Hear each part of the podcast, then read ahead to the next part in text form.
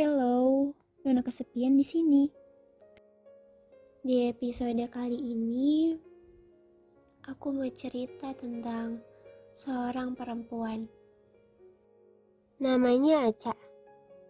Hobinya ngobrol sama dirinya sendiri di depan kaca. Enggak sih, enggak di depan kaca aja. Kadang dia juga suka ngobrol sama dirinya sendiri di keramaian. Alasannya sederhana banget Cuma karena dia lebih nyaman sama dirinya sendiri daripada sama orang lain. Tiap kali pikirannya bicara, hatinya suka ngejawabin, suka menyangkal. Kadang hati dan pikirannya pun jadi suka bertengkar hanya karena berbeda pendapat. Aca umurnya 15 tahun. Anak 15 tahun pada umumnya suka banget sama K-pop. Tapi Aca gak suka di saat teman-temannya lagi suka-sukanya dengerin lagu barat, Aca malah sukanya lagu-lagu keroncong. Di saat teman-temannya lagi suka-sukanya makan makanan western, tapi dia malah sukanya makanan orang tua. Sekutang, permen jahe, kacang ijo, dan masih banyak lagi. Apakah dengan gayanya Aca sendiri, Aca bakalan punya teman? Apakah ada yang mau temenan sama Aca? Jawabannya banyak yang mau temenan sama Aca. Tapi sekali lagi, dia lebih nyaman bergaul dengan dirinya sendiri, menciptakan dunianya sendiri. Jadi, dia lebih memilih untuk gak berbaur dengan teman-temannya. Pasti saat ini bakalan terbesit tanya, Aca disangka gila nggak ya karena suka ngomong sendiri? Terus juga beda dari yang lain. Pasti dia sering jadi topik pembicaraan orang lain ya. Sebab dia beda, sebab dia unik, atau mungkin aneh. Aca emang aneh. Di saat teman-teman sebayanya ingin memiliki teman sebanyak-banyaknya, dia malah memilih untuk berinteraksi dengan teman secukupnya. Aja salah gak sih? Hmm, enggak kok, gak apa-apa. Kalau emang lebih nyaman tampil beda dari yang lain, selagi dia tetap bisa berinteraksi dan mungkin mengikuti pelajaran di sekolah dengan baik, it's okay. Oh iya, satu hal lagi yang harus kamu tahu tentang Aca.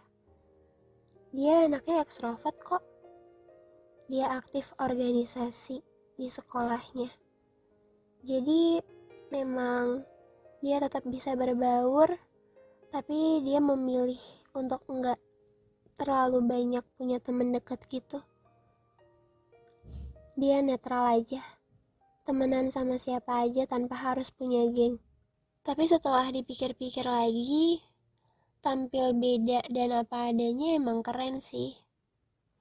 Mungkin untuk awal akan timbul rasa takut karena dianggap beda.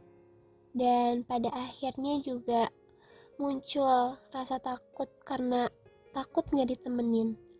Padahal gak ada salahnya tahu jadi orang yang unik. Gak ada yang salah jadi diri sendiri di depan banyak orang. Biarin aja. Masalah penilaian mereka terhadap diri ini, itu kan urusan mereka. Terus dengan kita tampil apa adanya, secara perlahan akan terseleksi sendiri mana orang yang benar-benar ada, benar-benar sayang sama diri kita, dan mana orang yang emang gak cocok hidup bareng sama kita. Dengan kamu tampil apa adanya, kamu juga gak akan kelelahan pasang topeng sana-sini untuk beradaptasi sama banyak orang. Hanya karena untuk bisa diakui keberadaannya. Selain itu juga, udah gak ada lagi deh fake-fake zone. Ya, aku ngerti sih, mungkin gak akan mendapatkan teman sebanyak kamu berusaha adaptasi jadi apa yang mereka mau. Tapi bener gak sih kata Aca? Kalau emang nyaman sama diri sendiri aja ya gak apa-apa sendiri aja. Terus juga 1 sampai tiga orang selalu ada lebih baik gak sih? Daripada banyak orang yang mengelilingi kita, tapi banyak fake-nya. Jadi menurut aku, kalau kamu masih suka acting depan banyak orang, cobain deh jadi Aca. Pasti beban kamu akan kerasa lebih ringan dan bahagia kamu juga jadi lebih bermakna. So, sayangin diri kamu sendiri dan nggak perlu acting di depan banyak orang. Cukup jadi diri kamu sendiri dan orang lain akan mencintai kamu dengan sepenuhnya.